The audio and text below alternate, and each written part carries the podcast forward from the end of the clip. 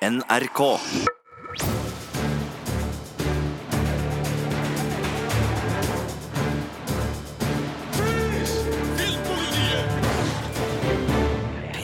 Velkommen til Filmpolitiets podkast, en spesial spoiler-podkast om Fantastic Beasts The Crimes of Grindelwald. I studio Birger Vestmo, Hallo, hallo! Sigurd Vik Hallo, hallo. og meg selv, Marte Hedenstad. Eh, Og vi hadde jo en, eh, en podkast forrige uke hvor vi snakka litt om Crimes, Crimes of Grindelwald, men nå skal vi snakke om Crimes of Grindelwald, ikke sant, Sigurd? Ja, og her er det jo på sin plass igjen å si at eh, det blir spoiling, så hvis du ikke har sett filmen, eh, så er det bare å skru av den her umiddelbart. Eh, Se filmen, og så kom tilbake hit, for nå skal vi diskutere både våre inntrykk, helt sånn spoilermessig bonanza, og ikke minst snakke om noen av de store, store spørsmålene og fanteoriene denne filmen har avla. Jeg har tenkt å sitte og diskutere filmen Fabeldyr Grindelwalds Ja, det er greit. Ja. Skal vi starte med å krangle om norsk versus engelsk? Det er en, det er en god start, syns jeg. Var det Creedence, eller var det Hva het han? Konstanse. Konstans. Ikke Konstanse. Jeg har, en, jeg har en nese som heter Konstanse. Det er et jentenavn. Sigurd, nå må du slutte å tulle. Ja, unnskyld. Men vi, vi skal innom mye forskjellig spennende, da. Men Ja. jeg vet at eh, du, du skal være en sånn voice of reason her i dag, Birger. Ja, fordi du og Sigurd har jo en ekstremt dyptpløyende, inngående forståelse av eh, dette universet. Dere har lest alle bøkene, dere har sett alle filmene, og dere husker hva som har skjedd i hver bok og hver film.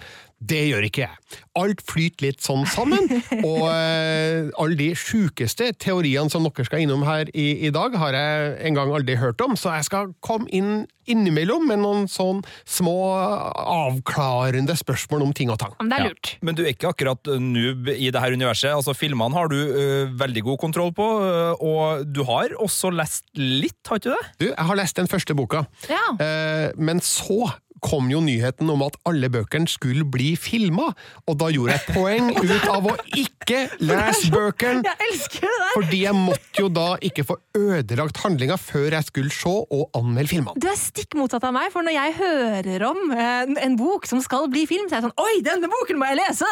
Den skal jo bli film! Ja, ja. Men filmen er jo aldri like god som boka, og er derfor så har jeg eh, gjort et poeng ut av å ikke lese bøkene, men nå har jeg jo ikke den unnskyldninga lenger. Nei, ikke sant. Så nå bør jeg få det til. Ja. Men i denne podkasten skal vi altså innom noen av uh, what the fuck momentsa i filmen. Vi skal uh, snakke litt om en del del detaljer som kanskje ikke henger helt på greip for oss som har lest bøkene.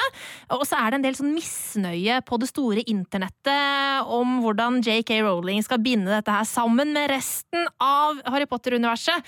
Så det er mye spennende som uh, står på planen. The wizarding and non wizarding worlds have been at peace for over a century. Grindelwald wants to see that peace destroyed. You want me to hunt him down? To kill him? Dumbledore, why can't you go? I cannot move against Grindelwald. It has to be you.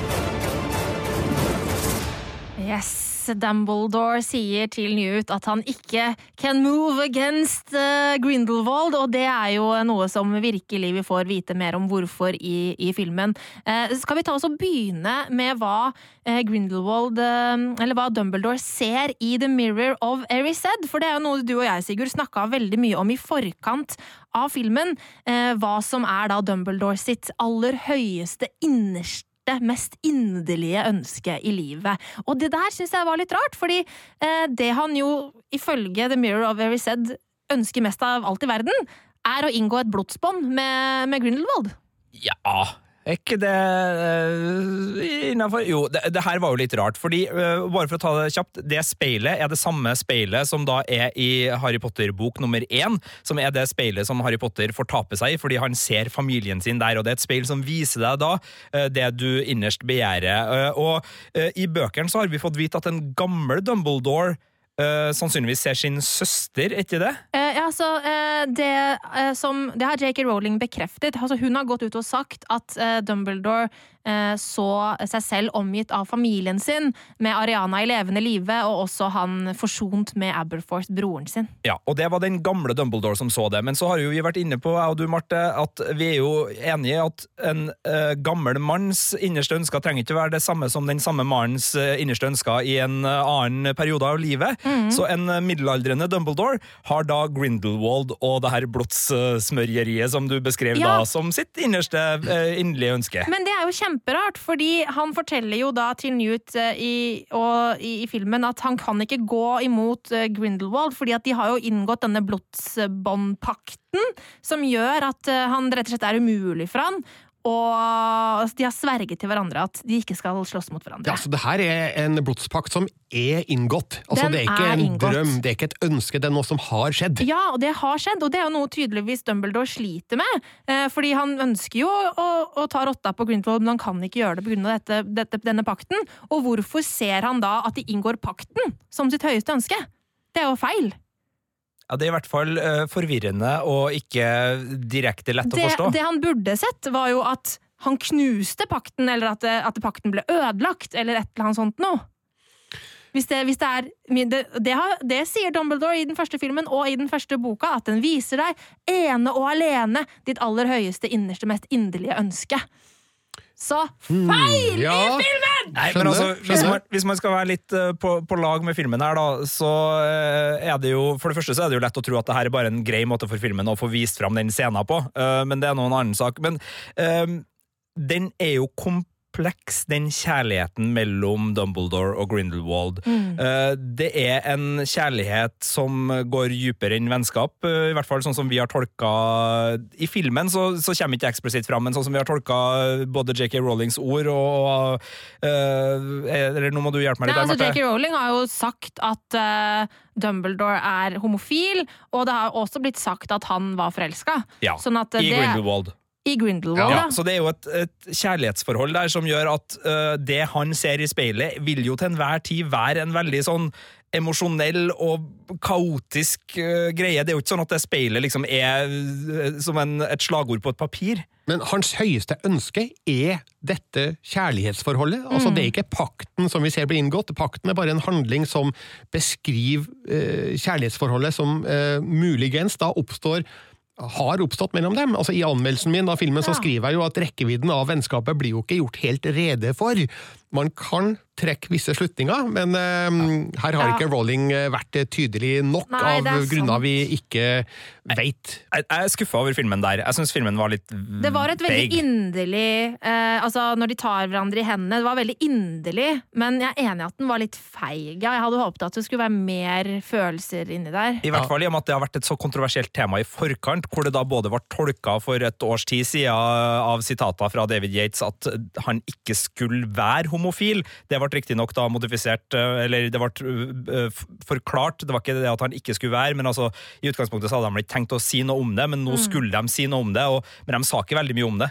Nei, de gjorde ikke det, altså. Nei, Universet hadde tålt en homofil Dumbledore og Grindelwald, og Absolutt. det hadde jo forklart mye mer av det som skjer mellom dem i denne filmen, hvis de hadde turt å eksplisitt uh, uh, si at eh, det er et homofilt eh, forhold mellom de som eh, står på her, og, Mm. Og eh, det er det som er Dumbledores eh, store ønske når han ser i speilet. Ja. Eh, Det som jeg har, jeg har flere problemer med denne pakten, eh, dette blodsbåndet.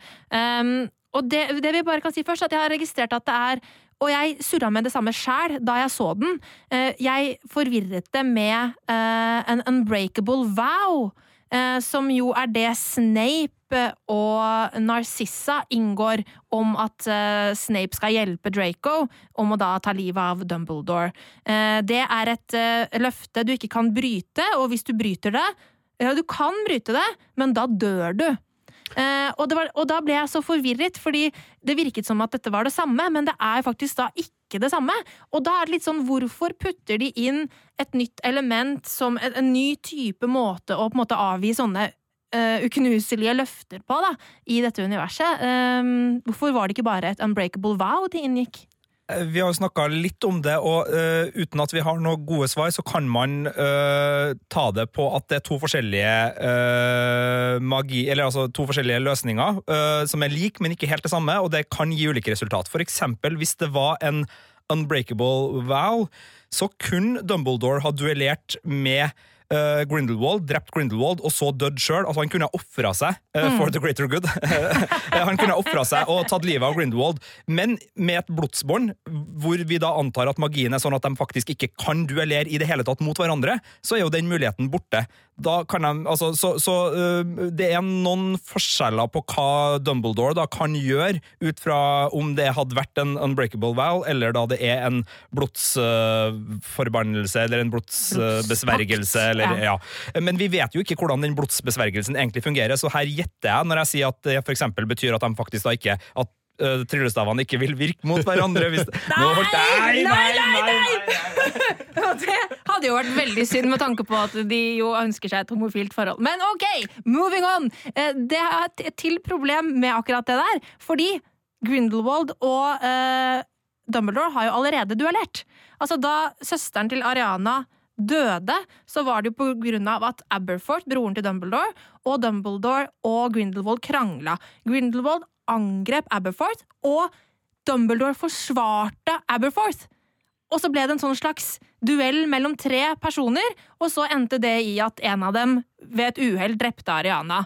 Så har, altså når var det de inngikk denne pakten? da? Etter etter det. Unnskyld, her kommer am eh, amatøren inn. Når, ja. når, skjedde det her? Dette skjedde da eh, Det første året var det vel etter at Dumbledore var ferdig på Hogwarts. Så, så skulle han og en venn egentlig reise sånn verden rundt og være på, ha et friår, rett og slett. Backpacking, ja, ja. Etter studiet. Men så døde eh, moren til, eh, til um, Dumbledore, og da måtte Og det var vel i 1899 eller noe sånt. Ja, samme det. og da måtte han være hjemme og ta vare på, på søsteren. Eh, så kommer da eh, Grindelwald eh, på sånn slags utveksling og bor hos nabokona Batilda Bagshot. De møtes, de utvikler et forhold. De sammen begynner å planlegge at eh, hm, det, altså, det som er, da, er at uh, Ariana, søsteren til uh, Dumbledore, hun ble angrepet av muggelbarn da hun var veldig liten, og ble redd for å utføre sin magi fordi at hun hadde blitt angrepet. Og Derfor utviklet hun seg til å bli en sånn obscurial, sånn som Creedence er. Uh, og hun måtte hele tiden bli holdt, holdt skjult for andre mennesker og alt mulig sånn, sånn at Dumbledore bar jo en del nag da, til muggles på grunn av at han måtte leve dette livet. Eh, og han også da mente jo sammen med Grindelwald at de det var, kanskje var bedre for verden om trollmennene tok kontroll og regjerte over muggles. Jeg som bare har sett filmene, jeg skjønner jo ikke hvilken historie du refererer til her nå. Hvor Nei. står det her skrevet hen? I den siste boka, i Deathly Hallows. Akkurat. Mm. Sånn at, eh, sånn at, eh, og det er jo også en grunn til at Dumbledore flere ganger har takket nei til å bli Minister for Magic, fordi han vet at han takler ikke makt. Han takler ikke å få så stor makt, fordi han har en sånn liten maktgal mann inni seg. Akkurat som Gandalf og en viss alvedronning i Ringenes herre er bekymra for å ta ringen, for de vet ikke helt hva som ville ha skjedd hvis de tok på seg Nei. den byrden. Så, sånn at, men jeg har litt problemer med det blodsbåndet, da, fordi eh, Ariana dør. Eh, Grindelwald rømmer landet. Var det da etter at Ariana ble drept at de inngikk denne pakten? Nei, og det er jo der det blir et problem, for jeg er helt enig med deg. Der henger ting på grep, fordi rekkefølgen må være blodsbåren, så duell der lillesøster dør, øh, så øh, nå. Mm. Og dermed så blir Dumbledores utsagn om at han ikke kan duellere mot Grindelwald, og da det at det skal ha med den blodeden å gjøre, i beste fall problematisk med tanke på logistikken i den totale mytologien rundt Harry Potter-universet. Mm. Så kan man jo selvfølgelig da ta alt det vi har sagt nå, og plassere det i bolka for Dumbledore. Si det, men egentlig så har han en annen et annet motiv for å ikke kunne gå etter. Nettopp fordi han driver og manipulerer Harry Potter gjennom alle Harry Potter-bøkene. Akkurat ja. som han driver og manipulerer Newt litt nå. Det er ikke en ond manipulering, men han vet at det er dem som må gjøre den jobben for at den skal bli gjort ordentlig. Eh, han vet at hvis han går imot Grindelwald, så blir det en 50-50 hvem vinner, sterkeste motstand. Men med Newt så tenker jeg, der er det en sånn sjanse for at Newt, i likhet med Harry Potter, da, kan, fordi han tenker annerledes, har et annet, kall det våpenarsenal, andre venner, andre følelser, og kan da beseire Grindelwald på en måte som Dumbledore ikke ville ha gjort hvis han hadde gått ut. Akkurat som at hvis noen hadde tatt ringen og sagt sånn 'Den her skal i Mount Doom', så ville jo Sauron bare sånn 'Nei, det får du faen ikke lov til'. Mens når du gir den til Frodo, så smyker han inn bakdøra, hvis det er lov å si på podkast. Nei, det er ikke lov. Okay. Men kan det rett og slett være så enkelt at Grindelwald Nei, at Dumbledore ikke vil gå imot Grindelwald fordi han elsker han?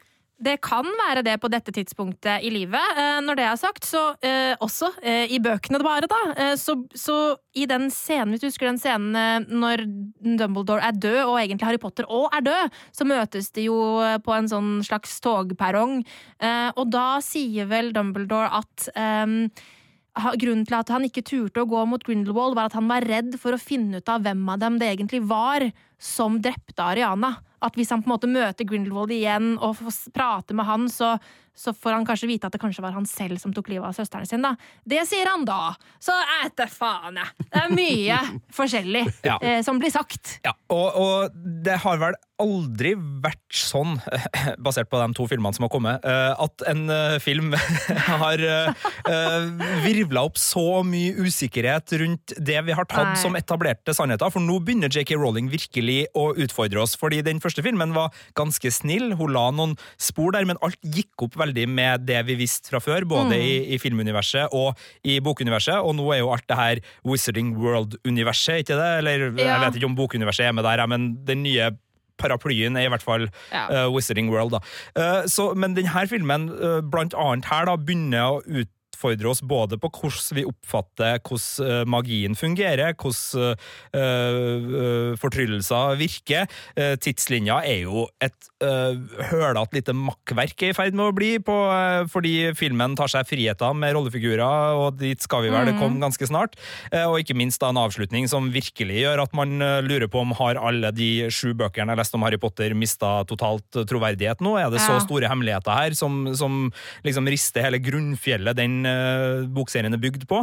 Men JK Rowling er jo en veldig veldig dyktig eh, forfatter som har gitt oss alt det her, så jeg har jo fremdeles trua på at hun vil at vi skal være så forvirra vi er nå, men at hun har en, en plan om å bringe oss tilbake. Ja, altså, JK Rowling må ha en jævla god plan for hvordan dette skal gå, eh, for ellers så blir jeg veldig skuffa. Og derfor blir jeg bekymra når hun driver og herjer med tidslinjene sånn som hun gjør.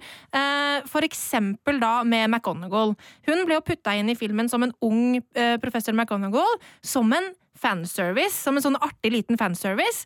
Og det er veldig merkelig at det er fanservice, for hun samtidig server hun fansen som en morsom eh, comic relief med McGonagall, men samtidig så pisser hun på fansen ved å putte McGonagall inn i den filmen, eh, fordi hun er født i 1935.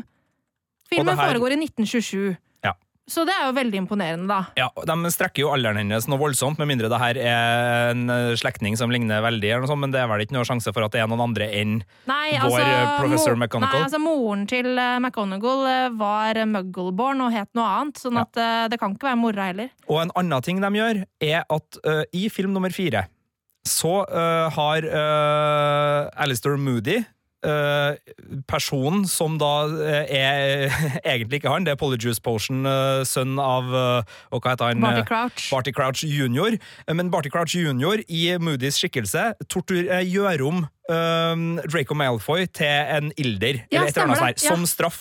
Mm. Og da blir han kraftig irettesatt av eh, Mrs. McGonagall, som Ja. sier at vi gjør ikke sånt mot elever. Ja, og så er det sånn et Og hva gjør hun i filmen uh, Eh, Fabeldyr? Hun, eh, hun snurper igjen kjeften på en irriterende student. Ja. Eh, Føler du at det er i tråd med, eh, Nei. med, med nei, det er jo ikke Jeg det. syns det skurrer der Det skurrer, selv om jeg lo da det skjedde, for jeg syns det var veldig morsomt. Det Eh, jeg og så tenkte jeg liksom et sekund etterpå Men faen, vent nå litt.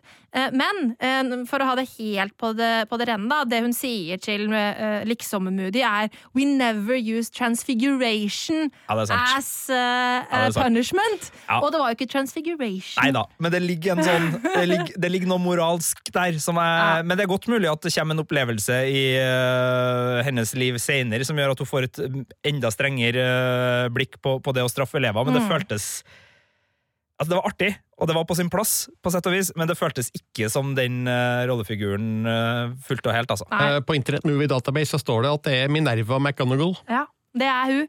Og hun er egentlig født i 1935. Eh, Og det som eh, da med en gang filmen var ferdig, så gikk jeg inn på pottermore.com, som er de offisielle nettsidene til eh, The Wizarding World, eh, for å sjekke når var det hun var født igjen. Fordi jeg, jeg mente å huske at jeg hadde lest der at hun var født i 1935. Der finner jeg ingenting om at hun er født i 1935. Eh, og så leste jeg en artikkel på internett, jeg husker ikke hvem det var som skrev det, det var et eller annet amerikansk nyhetsnettsted som skrev at Pottermore har fjerna årstallet hun ble født. Mm. Men vi vet jo likevel når, vi ble født, når hun ble født ut ifra når, hun var- når hun gikk på Hogwarts, når hun ble ansatt av eh, Dumbledore, og når hun har jobbet i Ministry for Magic og sånne type ting. Sånn at det, man vet 100 sikkert at hun er født i 1935. Egentlig. Kan jeg ta en test på dere? Eh, For denne uka så gjorde eh, Marvel Cinematic Universe eh, ganske grove inngrep i sin egen tidslinje. De flytta blant annet den første Iron Man-filmen, som da er film nummer to med et, et kraftig utgangspunkt, to år fram i tid, og sier at den foregikk i 2010 og ikke i 2008, da filmen faktisk kom ut. Så har de flytta på Spiderman Homecoming med fire år, og de har justert alt sammen nettopp for å få det til å gå opp, for at de oppdaga at det her henger Oi, på vi har driti oss ut! Vi, vi, eller, altså, vi, har, vi har sagt at det er samtid når filmene har kommet ut, men det henger ikke på greip i den store kanonhistoria, så vi er nødt til å flikke på det. Mm. Eh, eh, hva tenker dere om sånne retrospektgrep? For jeg tenker jo at det er litt det samme som det Pottermore gjør, da, ved Ja. å fjerne årstall som de tidligere har brent seg. Ja. Ja. Det er problematisk, det er jo det, for fansen. Sånne som Marte Hedenstad, som sitter her og det ryker ut av øra på han òg. Men, men for sånne som meg, som har et litt mer avslappa hverdagslig forhold, nei, det går ikke an å si, da, men litt mer avslappa forhold da, til fakta i Ja. dette universet, så, så, går det så, så går det greit. Eh, Man lar det skure, fordi eh, fakta i en sånn fantasiverden, det går an å skru litt eh, her og der, men eh, hvis man virkelig er dypt inne i eh, Potter-universet, sånn Ja. som eh, Marte er, så skjønner jeg jo at det her kan oppleves som et lite svik da mot fansen. Hva om det var i Blade Runner-universet, Birger? Nei, det hadde ikke gått an. Da hadde jeg satt eh, foten eh, ned, hvis eh, plutselig det skulle handle om Los Angeles i 20... 1,49 i stedet for Ikke 2019, så nei, det hadde blitt feil. Så sånn sett, nå forstår jeg virkelig hvorfor Marte reagerer. Men til forsvar for, for filmene, da, så er jo um, McGonagall i filmene er jo eldre enn hun er i bøkene utseendemessig. Eh, Så det kan jo hende at de har ja, justert akkurat det bare der. Men jeg håper ikke at denne justeringen eh, påvirker og er på en måte eh, Hva skal jeg si? Eh, pekepinne for resten av tidslinjeproblematikken i Fantastic Nei, altså, Beasts-universet. er det jo uh, en enkel regel som man lærer som ung, at uh, hvis man skal lyge, så skal man vite veldig godt uh, omfanget av løgnen. For hvis Mm. man først starter på noe sånt, så kan det, i likhet med sommerfugleffekten, få uante konsekvenser. Og det er jo det som er problemet her, med at når de først begynner å, å pirke borti sånne ting, ser de den totale utfallet det kan få. Men kan det finnes en magisk årsak til at McGonagall opptrer her eh, før sin egen fødsel? Eh, det finnes jo time turner eh, i Harry Potter-universet, sånn som vi jo ser i eh, Fangen fra Askaban. De skrur jo tiden tilbake, men jeg vet at det er veldig store problemer med å skru tiden langt tilbake. Eh, det er veldig farlig. Så det, det blir gjort i det teaterstykket, faktisk. Eh, hva heter det? The Cursed Child. the ja. Eh, og det er veldig problematisk. Kan det bare vært en kalkulert eh, risiko da, for å gi eh, casual fans litt eh, fanservice, Ja. eh, på bekostning av hardcore fans eh, Ja. som det? Det er nok det, og jeg lo jo da det skjedde. Ja. og så da fikk jeg tid til ettertanke etterpå. Og det, eh, hard, altså, eh, Hardcore-fansen betaler lell, så det er jo, jeg skjønner jo ut fra et økonomisk perspektiv, eh, hvis det er snakk om å gjøre det til en enda sånn lunere og lettere kinoopplevelse for den gemene filmgjenger. Så. Men, men det var jo en så liten rolle, Ja. så det virka nesten litt unødvendig at den skulle være med, hvis ikke det var for en spesifikk grunn. Ja, altså Det eneste jeg egentlig tror der, er at de ønsker å bygge det sammen med Harry Potter-universet som allerede eksisterer på film. Så det er vel derfor de på en måte putter inn Og det var jo flere referanser til andre rollefigurer. Altså McLaggen er jo en rollefigur vi kjenner godt. Det var sikkert pappaen eller bestefaren til en McLaggen fra Harry Potter-universet som vi har sett før, som dukket opp i i eh, Defense Against the Dark Arts-teamen der, og det er, det er jo for at vi skal få den følelsen av at nå er vi i samme univers. Sånn som jeg vet du snakka om, Birger, at det føltes så godt å komme tilbake til Hogwarts, ikke sant? Som å komme hjem. Ikke sant? Sånn at Det er for å gi oss den følelsen av at ok, ja, men vi er i samme univers her, det er de samme folka, det er, liksom, det er vel noe sånt. Ja. Skal du bare eh, tømme den irritasjonskista di på Dumbledore fullt og helt nå, og ta det med lærerbiten nå, eller? Faen, altså. Eh, altså, Dumbledore Altså, ja, ok, Men jeg, jeg lurer på om jeg, om jeg kanskje skal spise i meg mine ord. Fordi jeg har vært veldig irritert på at uh, Dumbledore er Defense Against the Dark Arts teacher. Det var jeg helt fra jeg så traileren. Fordi han er jo kjent for å være uh, transfiguration-lærer. Uh, og det var han jo også da Voldemort, eller Tom Riddle, gikk på skole. Men nå har jeg sett filmen to ganger, og så slår det meg. Um, I filmen så blir det jo sagt, når han får disse eh, håndjernene på seg, så sies det jo liksom Men nå vet jeg hva alt, alle spells du vil utføre, og du får aldri undervise Defense Against the Dark Arts igjen. Og da jeg så den første gang, så, så tenkte jeg jo ok, kanskje det bare var eh, der og da, mens han hadde disse liksom, Mens han var i mist, mistanke. Men kanskje han faktisk aldri fikk undervise Defense Against the Dark Arts igjen. At han kanskje egentlig var Defense Against the Dark Arts-lærer, og så, etter dette, så måtte han bli Transfiguration-lærer? Det kan være! Eller så kan det òg være bare en irriterende ting for å knytte eh, filmene sammen. Ja, for det er jo det klasserommet som vi har vært i mest eh, opp Ja. gjennom filmene, sammen med Snape sitt eh, tidlige Potions-klasserom, kanskje. Men eh, jeg skjønner jo godt at de ville til det klasserommet, Mm. og at de ville ha Dumbledore i det klasserommet. Men jeg liker jo din forklaring her. Ja. Da går jo alt opp. Da går alt Da får man i pose og sekk. Det Så jeg håper det er det. Ja, ikke dum den. Mm. Ja, ja. Da okay. var den, den løst, da. Ja, da var den løst. Én løst. Med, Mange med litt, ikke eh, løst. Med litt godvilje til. Um, men som sagt, um, JK Rowling tuller veldig mye med tidslinjer, og det gjør hun i hvert fall uh, på det som er eh, det aller siste store avsløringen i filmen. Uh, ja, hva, hva, hva, hva følte du, Birger, da, da plutselig vi sitter der helt på tampen, og så er eh, Creedence broren til Dumbledore? Da tenkte jeg hæ, hva skjer nå? Hva har jeg oversett? Ble det fortalt noe tidligere i filmen som jeg ikke skjønte? Som jeg ikke skjønte rekkevidden av? Er det fordi at jeg ikke har lest bøkene? Var det nå i Harry Potter-filmene som gikk meg hus forbi?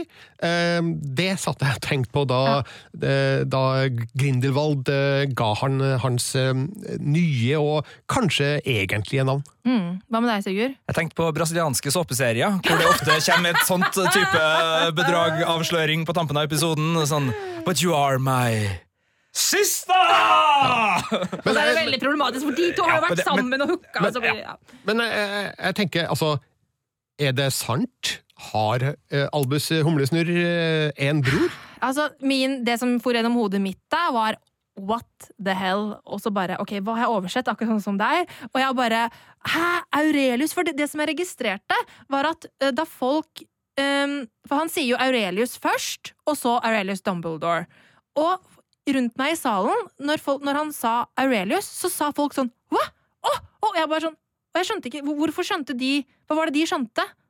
Med bare det navnet? Aurelius, det minner om Albus. Ja, Starter og slutter ja, på samme de bokstaver. At, ja, ok, for det, det, jeg uh, måtte vente på Dumbledore før jeg skjønte tvisten. Men altså, uansett så blir du jo sjokka over at det er en twist. Uh, og så skjønner du enda mer Ja, uh, hvor sjokkerende den twisten er når Dumbledore kommer. Men uh, min reaksjon uh, hadde nok vært veldig tydelig hvis det ikke hadde vært for den føniksen. For da hadde jeg bare tenkt sånn Å, Grindelwald, du har jo liksom sagt at uh, Altså, du vet at det er ingen trollmenn som tør å gå imot uh, Dumbledore, fordi at den seieren er så usikker. Han er en Mm. mektig trollmann. Så du får da den ene superkraftige, magiske kraften som ikke er godt kjent i The Wizarding World, og som ikke vet hvem uh, Albus Dumbledore er, og liksom bare retter hans blikk imot deg som en sånn killing robot som ikke har liksom så, så jeg tenkte sånn, ok, Grindelwald faker det her og bruker Konstans eller Creedence, Credence Credence, som et våpen. Ja. Men så kommer jo den der helsikes føniksfuglen, da, som er uh, symbolet på Dumbledore House, uh, og som gjør at man sitter der med en sånn hm, ok, kanskje det er noe i denne historien. Eh, og det er mektige magiker, det stemmer jo med Dumbledore. Altså det, det, er jo en del ting som gjør at man da begynner å tenke. Men hvordan er det sånn fanteorimessig, Marte, for deg? Hva, hva, tenker du er de mest plausible løsningene på denne eh, floken? altså, det mest plausible er jo, som du sa, Birger, Grindvald lyver. Eh, det er jo på en måte ja, han, det mest åpenbare. Han trenger konstans som et våpen mot Dumbledore. Ja, ikke sant? Og derfor gjør han hva som helst for å få han over på sin side. Ja, For Konstans er jo på jakt etter sannheten om seg sjøl. Mm. Han er jo ute etter å finne familierøttene sine, og uh, han tar imot hva det skal være av uh, forklaringa. Ja, det virker sånn, og, sin, og det å også skape splid innad i han gjør obscuresen større og mektigere. Eh, så det er jo én løsning. Grindelwald ljuger, rett og slett. En annen løsning eh, er jo da at Credence er sønnen til Percival og Kendra, foreldrene til Dumbledore. For at det skal gå opp, så må Credence være 28 år. Minst. Eh, minst. Eh, det er det absolutt minimumet han må være da. Ja, pluss at um, det betyr at Og det går heller ikke opp, fordi med tanke på hvor gammel Lita var, og hvor, når, hvor gammel babyen var da hun bytta om på de babyene. Så det går egentlig ikke opp. Um, og så er det jo da en kjempestor fanteori som har vært gjennomgående på det store internettet, som går opp hvis vi legger litt godvilje til, og det er at den obscurison som er inni Creedence, er Ariana. Altså søstera til Albus Dumbledore. Den søstera som ble drept i duellen mellom Grindelwald Dumbledore og uh, Aberforth. Aberforth. Og grunnen til at den teorien har føtter, for den, den krever litt uh, Da må vi tilbake til fabeldyrfilm nummer én i kofferten sin da Grindelwald, kamuflert som Colin Farrell, som en populær forkledning på den tida, uh, har uh, Newt uh, Scamander i avhør, så har han gått gjennom kofferten, og han har funnet en Obscurious uh, som uh, Newt har løsrevet fra den personen. personen skjer, er død. Ja, men det som skjer da, er eksempel med lillesøstera til Albus, er at du har uh, person, og du har den her utemmelige magiske krafta. Og dem er ett ved fødsel, og sånn som jeg forstår det, formere seg, altså utvikle seg fra samme person, men på et eller annet tidspunkt så blir det til to enheter, der Obscurious-biten kan tas vare på og, og leve videre. Og sånn som vi forstår det i Fabeldyrfilm nummer én, så sitter uh, Grindelwald med den obscuriousen fra kofferten til Newt, som vi ikke aner hvem er, men som er da den her elleve år gamle jenta som han hadde uh, redda, prøvd å redde, prøvd å redde men hun døde. Ja. Uh, og, og Newt sier da den der kan ikke gjøre noe skade, fordi den overlever ikke uten en vert. Og så sier Grindelwald å, altså den er ubrukelig, og så reagerer Newt bare hva du mener ubrukelig, altså den skal jo absolutt ikke gjøre det igjen. Mm. Men det åpner jo for muligheten til at kanskje Grindelwald har tatt vare på Obscurious-biten av lillesøstera til Albus Dumbledore, og plassert den inn i den babyen som da ender opp med å bli Konstans. Ja, det, det, er en jo... ganske far-fetched greie, men den ja. går opp på sett og vis, og det er magisk mulig at det kan skje. Ja, altså Vi vet jo ikke om det er mulig. Det eneste vi vet at det er mulig, er at det går an å ta vare på en Obscurious etter at verten er død. Eh, og så kan vi jo da se for oss at Grindelwald har klart å gjøre det i dødsøyeblikket eh, på et eller annet sykt vis. Tatt vare på denne obscuriousen sånn som Newt gjorde det i veldig mange år, da. Eh, kanskje mens han prøvde å finne ut hvordan man kunne bruke denne, denne kraften. Eh, og så har han kanskje tenkt 'jeg trenger en host', og så putta det inn i da dette barnet, som han sender til USA for en eller annen grunn, og så skjer det ting. ja, uh, altså Tilfeldighetene som skal til her, er definitivt uh, absolutt uh, veldig mange. Og selv om det er altså Det er vel mest det at det, det, er ikke umulig. Det er ikke så mye som at det er mulig, men det er ikke umulig. og så gir det jo på en måte mening ut fra Phoenix og Dumbledore, men det stiller jo mange spørsmål til hva er en Obscurious, og hvor mye av personligheten til Ariana er eventuelt med ja. inn i, i Creedence, osv., så Så, ja. så, så det her er, er en sånn, sånn hodepineteori. Men, men i første film, hvorfor visste ikke da uh, Grindelwald at det var Creedence som var Obscurialen? Uh, han lette jo etter en, dette, denne personen som hadde en Obscurious i seg, uh, men det kan jo hende at altså, vi ser jo hvor lite han bryr seg om barn i, i, filmen. At han kanskje ikke var så nøye om det var gutt eller jente, at han bare putta det inn igjen, sendte den av gårde, og så mistet han jo da barnet. Og så har han lett etter barnet hele veien siden, og fant det da i den første filmen. Ja. i Creedence. Ja. Og for dem som mener at han øh, øh, Altså, øh, det er også mulig hvis man tenker på Grindelwalds personlighet, fordi han En teori er at han ikke visste hvem barnet var, og at han leita, og at det vi ser i film nummer én, da han tror det er lillesøster først, men så oppdager han at det er Creedence, er liksom sånn en genuin oppdagelse. Det andre måten å se det på, hvis man ønsker å finne en teori hvor Grindelwald hele tida har visst at det var Creedence, er bare at han brukte øh, sitt bedrag til å ikke tro på Creedence for å lokke fram kreftene i Creedence. Altså. At han lata som om at han trodde det var lillesøstera, bare for, at, for å få Creedence til å bli så sint at han sa 'men det er meg', og så videre og så videre. Ja. Så det er mange Um, muligheter. I anmeldelsen min så, så skriver jeg jo at eh, en del av historien beror på en helt fantastisk eh, tilfeldighet som mangler fiksjonstroverdighet, og da er vi på den båten og denne eh, babybyttinga. Altså Lita bytter bort eh, sin skrikende bror mot det som viser seg å være en Dumbledore. Altså, hvor vanvittig er den tilfeldigheten, Ja, det liksom? er jo helt Det er jo en klassisk Lestrange Dumbledore-swap, Birgit. Det, er- det har jo det, altså. That's ancient. Ja, det er veldig eh, vanvittig. Um, nei, jeg fant et, et intervju her med Estra Miller, som spiller um, uh, Credence, eller um, Konstans. jeg helt Eller Aurelius. Eller Aurelius, ja. Eh, uh, han, eh, jeg sier det på engelsk, da. At eh, I was shocked, stunned, confused, petrificus totalus with wonder and fascination eh, da han oppdaga uh, figurens sanne Ja. identitet. I still have a lot of questions for which I have no answers. Ok. Men han tror, ifølge det intervjuet, at eh, JK Rowling har en plan. Ja, eh, I det samme intervjuet så sier han også noe som jeg synes er kjempespennende. For han sier at eh, hvis den første filmen handla om hva, så handla film nummer to om uh, hvordan. Og så vil neste film handle om hvorfor. Og da er hans rollefigur det han snakker om. Så i første filmen så lærte vi hva Creedence var. eh, og i film nummer to så leste vi hvordan han fungerer. eh, og i film nummer tre da, så får vi muligens vite hvorfor. Eh, så det er jo spennende. Og det vi ikke har snakka så mye om, men som er veldig fascinerende, er jo at den obscurious-magikrafta er litt selvmotsigende, sånn som den blir forklart til oss. Fordi eh, ut fra teorien om at uh, Obscurious er ukontrollert, og uh, det kommer fordi uh, magiske vesen ikke aksepterer magien, og ikke kan magien, og ikke skjønner magien, eh, og så dreper det enten dem, eller så eh, lærer dem å bruke magien og bli liksom vanlige trollmenn, Ja. skal man tro, da. Men det har jo ikke skjedd med uh, Creedence, som for det første er unormalt gammel, fordi de fleste dør mye eldre, og i film nummer to så ser vi jo at han eh, fortsetter å kontrollere obscurious-magien. Altså, han lærer ikke seg annen magi. Nei. Han bare lærer seg å fokusere Den der ødeleggende krafta. ekstreme krafta. Eh, Så han blir et masseødeleggelsesvåpen med en kontrollfunksjon. Eh, Og det henger ikke på greip med hvordan obscurious-magien er forklart så langt, så der Nei. må det ligge noe bak. Men det er jo kanskje det, det er jo veldig lite forklart. Det er nettopp det. Man Det nettopp vet det. veldig lite. Men det som er forklart, eh, går imot det vi ser. Fordi Ja. for eksempel når han sammen med Nagini, som var kjempeartig at Nagini-slangen er forklart Det var veldig eh, kult. som ja, eh, kjempefint, men uh, selv om rollefiguren ikke hadde noe å si for filmen i hele tatt, eh, bortsett fra det jeg skal si nå, eh, hun er ikke bekymra når hun står sammen med en Credence Creedence i utbrudd. Altså I film nummer én så røyk det småsøsken over en lav stol når han eh, klikka i vinkel, men i film nummer to så ser vi at han allerede i starten av filmen kan angripe noe fokusert med venner i nærheten som ikke trenger å bekymre seg.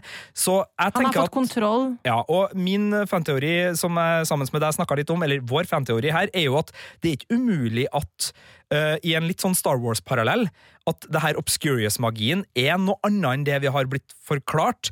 At det er en rase eller en type magi som har vært der, og som har røtter, og som er en kraft som nesten er utrydda fra den kjente verden, men som Grindelwald vet at eksisterer, og nører fram, og at grunnen til at uh, Altså at det er noe sånn Dark Force-type ting her, da, en liten sånn Sith-greie, at det er en type eh, magi.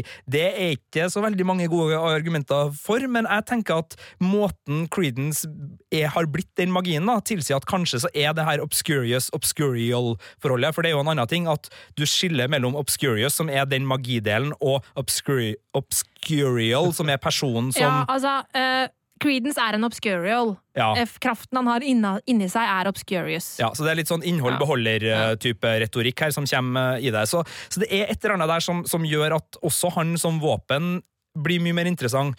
Og om da han på en måte var født en Sith i Dumbledore-familien og dermed ble satt ut i skogen, eller hva pokker det som har skjedd, altså, det vet jeg ikke. tror ikke. Altså, jeg, jeg tror ikke at det er en kraft som noen har. Altså, jeg tror fortsatt at det er sånn, sånn at eh, når magiske vesener som vi om i stad, undertrykkes og prøver å for, fortrenge sin magi, så, så, kan, så omvandles den kraften til en obscurious. Eh, men tidligere så har man altså, De fleste dør før de er ti år. Ehm, øh, det, det som jo er interessant med det, er at Ariana var 14 år da hun ble drept. Uh, sånn at um, Der er det jo Hun levde også litt lenger, og åhå! Oi! Hun har levd lenger enn det som er vanlig! Creedence lever lenger enn det som er vanlig. Ja. Ja, nok, Enda nok et, en, lite, ja. et lite knutepunkt Syns du vi bruker halmstrå og klynger oss til dem, Birgit? Ja, men uh, halmstrå er flott. Men, men det kan jo hende at altså, Grindelwald har forstått at denne kraften ikke nødvendigvis må drepe trollmannen eh, eller heksen den bor i. Man kan kanskje lære å kontrollere den, da, sånn som Creedence tydeligvis har gjort. da. Men, eh, men, eh, men bare sånn nok en gang, det er umulig tidsmessig sett at uh, Creedence er flesh and blood, broren til Dumbledore. Hvis det er tilfellet i disse filmene, da har JK Rowling fucka opp alt. Men med det vi vet om uh, hennes store plan for uh, de sju Harry Potter-bøkene, er det ikke rimelig å anta at hun har en lignende plan for fabeldyrfilmene? Jo, og uh, vi er jo nå på film to av fem. Ja. Uh, I denne historien. Det er jo mulig det her er et univers som utvides ytterligere men altså, det her er historie vi er i starten av nå. Uh, det vil si, og det merker vi jo også, og det er jo litt av innvendingene våre mot filmen, at det her er en film som sparer på Grindelwald-Dumbledore-oppgjøret sitt. Uh, og vi vet jo ikke om en ung Tom Riddle dukker opp i, i noe som helst på tampen her, men det er jo ikke veldig sannsynlig nødvendigvis heller, fordi eh, Det der er tidsskapet. senere, Det ja. skjer mye senere, men altså sånn så, så, så det er en lang historie vi har framfor oss. Eh, Så det at vi så tidlig, eh, vil jeg si, da, altså før halvveis, nå sitter med liksom hakeslepp og vondt i både små grå og, og store hjerter, gjør jo at jeg tenker hun har rikelig med tid til å, å fikse det her, og hun har jo en plan, så, så jeg er jo ikke veldig bekymra, men det er klart eh, det har skjedd før at folk vi har stolt veldig på, har endt opp med avslutninger som har vært kraftige mageplask. Uh, og det her er uh, Om det er en avledningsmanøver eller ikke, det her er veien mot mageplask. Åh, Shit. Men nå har vi brukt hele podkasten til å diskutere Dumbledore og um, uh, Grindelwald og Creedence. Vi har ikke snakka en døyt om Newt eh, Scamander og Tina Goldstein. Altså, Nei. Er hovedpersonene i ferd med å bli uinteressante bifigurer i denne historien? Jepp. Nei! Jepp. Nei! Jo da, det har du helt rett i, Birger. Nei! Jo, du har jo egentlig rett i det. Men Ja. fikk ikke vi inn et spørsmål Jo, som går på det vi. der? Eh, Liv Mari har sendt oss inn et spørsmål. Eh, Hva syns dere om portretteringen av Newts kjærlighetsliv i forhold til Lita, Tina og Bunty? Ja, og mitt svar på det er kjedelig og uinteressant. Nei! Jo, fordi jeg syns at i uh, hvert fall uh, Newt og Tina-figurene de, uh, de ble litt sånn usynlige og kjedelige i denne filmen. Det, det var sjarmerende å møte dem og bli introdusert for dem i den første filmen, men eh, i den andre filmen så ble de mer sånn tilskuere til det mer interessante som skjedde rundt dem, med litt mer spennende figurer, som vi jo har diskutert eh, mye om her. Så dette kjærlighetstriangelet som utspiller seg, det, det, det engasjerte ikke meg i noe særlig grad. Men det var jo så koselig, hele den salamanderøyne-greia. Og når hun på en måte Når han prøvde og han, kunne, han måtte, fikk ikke lov å si at hun hadde øyne som en salamander, og så sier hun det selv, og de bare Ja, det er meant to be! Men han er jo en keitete fyr. Altså, han skjønner jo ikke at Bunty er dritforelska i, eh, i han, og det regner jeg med at er grunnen til at han ikke ble sammen med Lita heller, fordi at han aldri klarte å kanskje sette ord på følelsene sine, da, og så ender hun opp med å bare gi opp han og gå for broren i stedet, noe som for øvrig er ganske spesielt.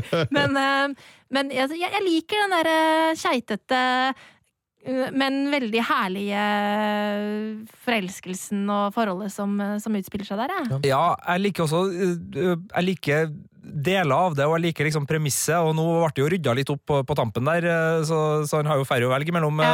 eh, for så vidt. eh, Muligens.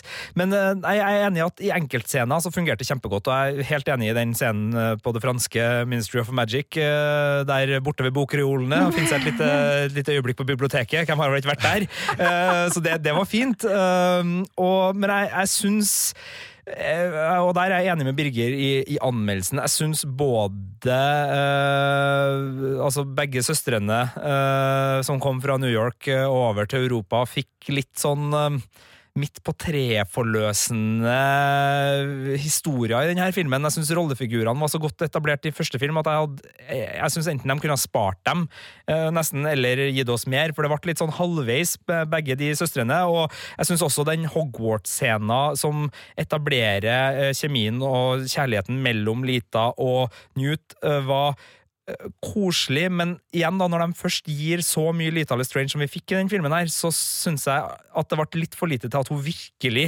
blomstrer som en rollefigur og får den klangburen som gjør at de beste Harry Potter-univers-rollefigurene, som Lupin og Tonks for eksempel, altså at det, det blir en sånn Man får nok kjøtt på det. Nå er Tonks i Ja. filmversjonen dessverre underutvikla, så syng etter, men, men det, det, mangla et eller annet der da, som ville ha gjort det forholdet bitrere, og det forholdet hun og uh, Lestrange da har til broren, bitrer. Jeg syns ikke de fikk liksom nok uh, emosjonell kraft i de uh, relasjonene. Jeg, jeg, jeg skjønner hva du mener, jeg skjønner hva du mener og jeg kunne ønske at eh, Lita fikk større plass, ja. Eh, for jeg, det er en ting jeg tenkte over veldig da jeg så filmen på nytt, var på en måte den derre Despised by wizards, liksom at hun den Hæ? Er hun despised by a wizard? Hun jobber jo i The Ministry for Magic. Ja. Sånn, ja, ok, Hun ble mobba på skolen, og så bare sånn Men hva, med, hva betyr det? Hvorfor er hun despised by wizards? Altså, Sammenligna med Snape, så jo hun, uh, har jo hun en uh, helt fantastisk skolehverdag, ser det ut. Så, så det er noe med at når filmene har gitt oss den grusomme, isolerte Snape uh, tidligere, og så skal liksom den her være, som du sier, despised by wizards, så blir det blir noe misforhold der, da. Ja, og hvis hun hadde vært despised by wizards, så hadde hun jo ikke fått jobb i The Ministry for Magic. Så det, det, jeg er enig at det, det er mer å hente der som jeg gjerne skulle sett, sett mer til, altså. Det er jeg faktisk enig i. Litt på sida av det her, eh, bare et lite apropos til hele podkasten, egentlig. Vi har veksla heftig mellom å bruke eh, de originale Ja.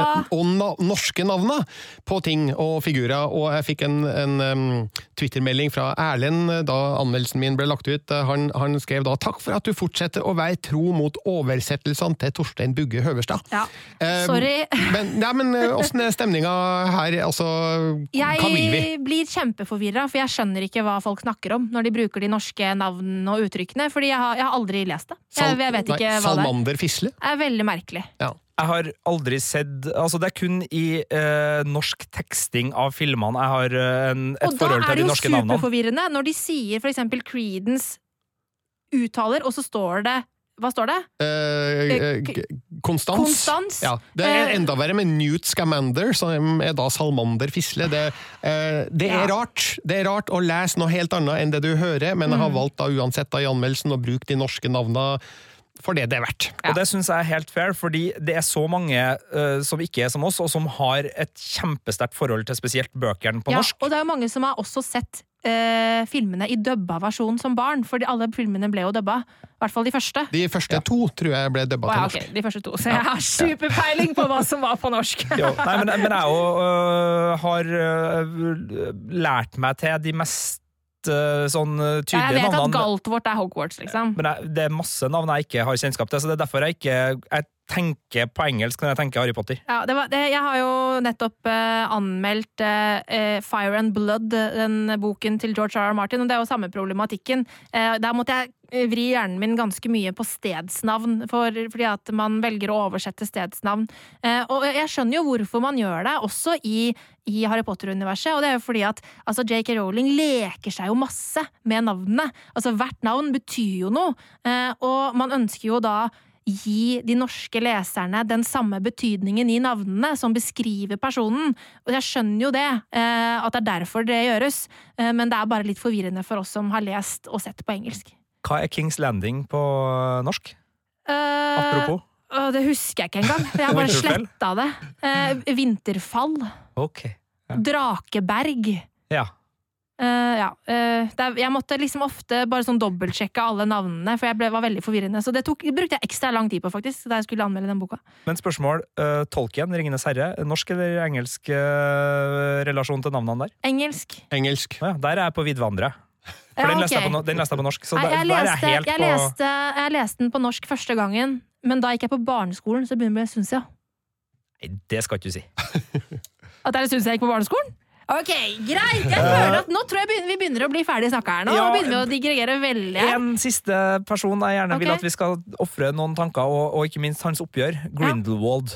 Hva, hva tenker vi om han, hvis vi ser bort fra Creedence, da, men det han Ja. prøvde på i Paris, Mm. og hele den sluttscena og hele den ildgreia Ja, det irriterte meg, fordi han innkaller til et stort møte med masse magikere til stede. Heter det magikere? Ja. ja. Trollmenn, ja. Mm. der han eh, legger ut om sine planer og formane til forsiktighet. Eh, nå skal de være smarte og strategiske. Jeg husker ikke akkurat hva han sa, men det var noe i den retningen. Og så heves møtet, og så blir det en stor konfrontasjon, der han så går eh, løs og prøver å ødelegge hele Paris. Ja, og det, vel, det han faktisk spesifikt sier, er 'we're not the violent ones'. Ja, nemlig. Det sier han. Eh, Rett før han prøver å ta livet av 14 millioner mennesker, eller hva det er. Ja, eh, det er jo problematisk. Men eh, altså, når eh, katta er borte, så danser musa på bordet. si. Altså, det er jo etter at eh, alle de kollegaene eh, i Paris han har snakka med, har forlatt lokalet, evaporata. Men eh, jeg vil jo tro at de får høre da, om eh, at Paris gikk sunder, men han vil jo da sannsynligvis hevde sin uskyld. Så jeg tenker han er Først så er han litt sånn politiker som sier sånn Dere skal se, det er de andre som kommer til å kaste den første steinen. Se nå, de er her, de er her, jeg er bare fredelig. Og så når de forsvinner, Ja. og han merker at nå er det bare min eh, sannhet som kan fortelles hvis jeg vinner slaget her, her- så går han eh, og sier I hate Paris, eller fuck Paris, Ja. eller hva Han sier fuck Men- Paris. men- I hate Paris. I hate Paris. Ja. I, på en veldig Johnny Deppsk måte, by the way. Ja, I hate Paris, altså. Ja. Eh, Men der er det en ting som jeg bare gleder meg til. Eh, Det kommer ut på Blu-ray, eh, hvor jeg kan freeze-frame. Fordi når Lita prøver å, å eh, skyte, hva skal man si, kaste en curse på Grindelwald, så er det et eller annet som faller ned på gulvet. En, gull, en sånn globe. En sånn Hmm. gullaktig globe som faller ned på gulvet. Og så erupter det. Eh, Men, og jeg vet ikke om det er noe Jeg klarer ikke se om det er noe Grindelwald kasta ned på gulvet. Om han liksom kaster en slags bombe på gulvet som eksploderer i dette drageflammeopplegget. Eller om det er et uhell. Eh, Det, og det her, det, her, det her er veldig forvirrende, men jeg mener og Det gikk så fort, men det var noe, det var noe gullaktig på gulvet der. Så jeg bare jeg, jeg, det, kan, jeg vet ikke hva det var. Nei, du, og du husker ikke om det var Grindelwald Eller eller, Lita? Lita, som eh, kasta Og den du har sett filmen to Riktig. ganger? Jeg har sett filmen to ganger. Jeg, jeg trenger å freeze-frame det. Så please, hurry up altså, with the begynner å bli Blu-ray. litt, litt for, for vanskelig og innvikla når ikke engang du Ja, ikke skjønner. sant? Og da, Men- og da er det jo for dårlig, da, egentlig. Men når det er et, eh, får jeg et eh, sånn takketelegram fra markedsavdelinga til Warner Brothers her, som syns at det er kjempefint at uh, du både løser kinobillett to ganger, og selvfølgelig allerede nå registrerer interesse for Blu-ray-utgivelsen. Ja, jeg har jo, men jeg har jo vært eh, naughty på kino, eh, fordi jeg, eh, skal jeg innrømme det, jeg, jeg tok bilder. Ikke på pressevisninga, selvfølgelig ikke. Nei, ikke, men, og ikke på premieren på filmen heller. Jeg var ikke på pressevisningen, men jeg, jeg tok et par bilder under den, an- da jeg var på kino for andre gang. Fordi? Eh, fordi at jeg måtte sammenligne alle fuglene i, i filmen. Fordi det er jo noen fugleunger her! Fuglekikking, altså. Ornitolog, på Marte Fabeldyr Henstad. 2? Gud, jeg er for nød! Eh, ja. Ja, men Det er en grunn til at du gjorde det. fordi Det er spesielt to ting som har dukka opp i uh, ulike fanteorier. og det er at uh, Når Newt og Lita er på Hogwarts, så sitter Newt med en ravnebaby. eh, og så er det da også en sånn babyfugl vi får se i forbindelse med Føniksen. Eh, og Det har fått folk til å tenke sånn Er det samme fuglen? Er det egentlig en ravn? Driver Grindelwald og lyver til oss alle og til alle ved å liksom øh, få en ravn til å se ut som en føniks? Men du har sjekka? Det er en føniks. Eh, Den ligner veldig på sånn som Fawkes ser ut eh, når vi møter han første gang og er veldig stygg og, og, og liten der eh, før han fyker opp i flammene. Han er bitte liten, nesten helt skalla og har bitte, bitte, bitte små rødaktig dun på seg. Og ser ikke lik ut i det hele tatt som den ravnebabyen, som er helt svart og har mye større nebb. Så det er ikke en ravn, det er noe som ser ut som en føniks. Så sånn, da vet vi det. I got proof! Da gleder vi oss til du eh, får Blue Rain av eh, ja. The Crimes of Grindelwald, og kan freeze-frame alle to timer og 20 minutter, eh, sånn at filmen varer i 17,5 timer i stedet for. Det blir bra. Det blir kjempebra.